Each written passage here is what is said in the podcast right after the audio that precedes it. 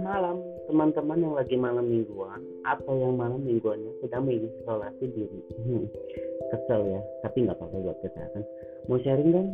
Kalian merasa nggak sih di umur yang 20 tahunan ini atau 20 tahunan ke atas atau mungkin sebelum umur 20 tahunan merasakan juga kalian mulai kehilangan teman-teman, teman-teman main, teman bercanda atau teman apa pun itu dan orang yang selalu dekat dengan kalian. Terkadang manusia harus sampai kepada titik kehilangan untuk mengerti arti sebuah kehadiran. Benar gak sih?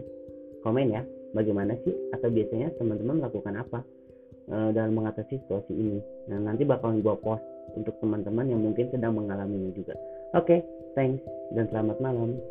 Hmm, jaga kesehatan ya. you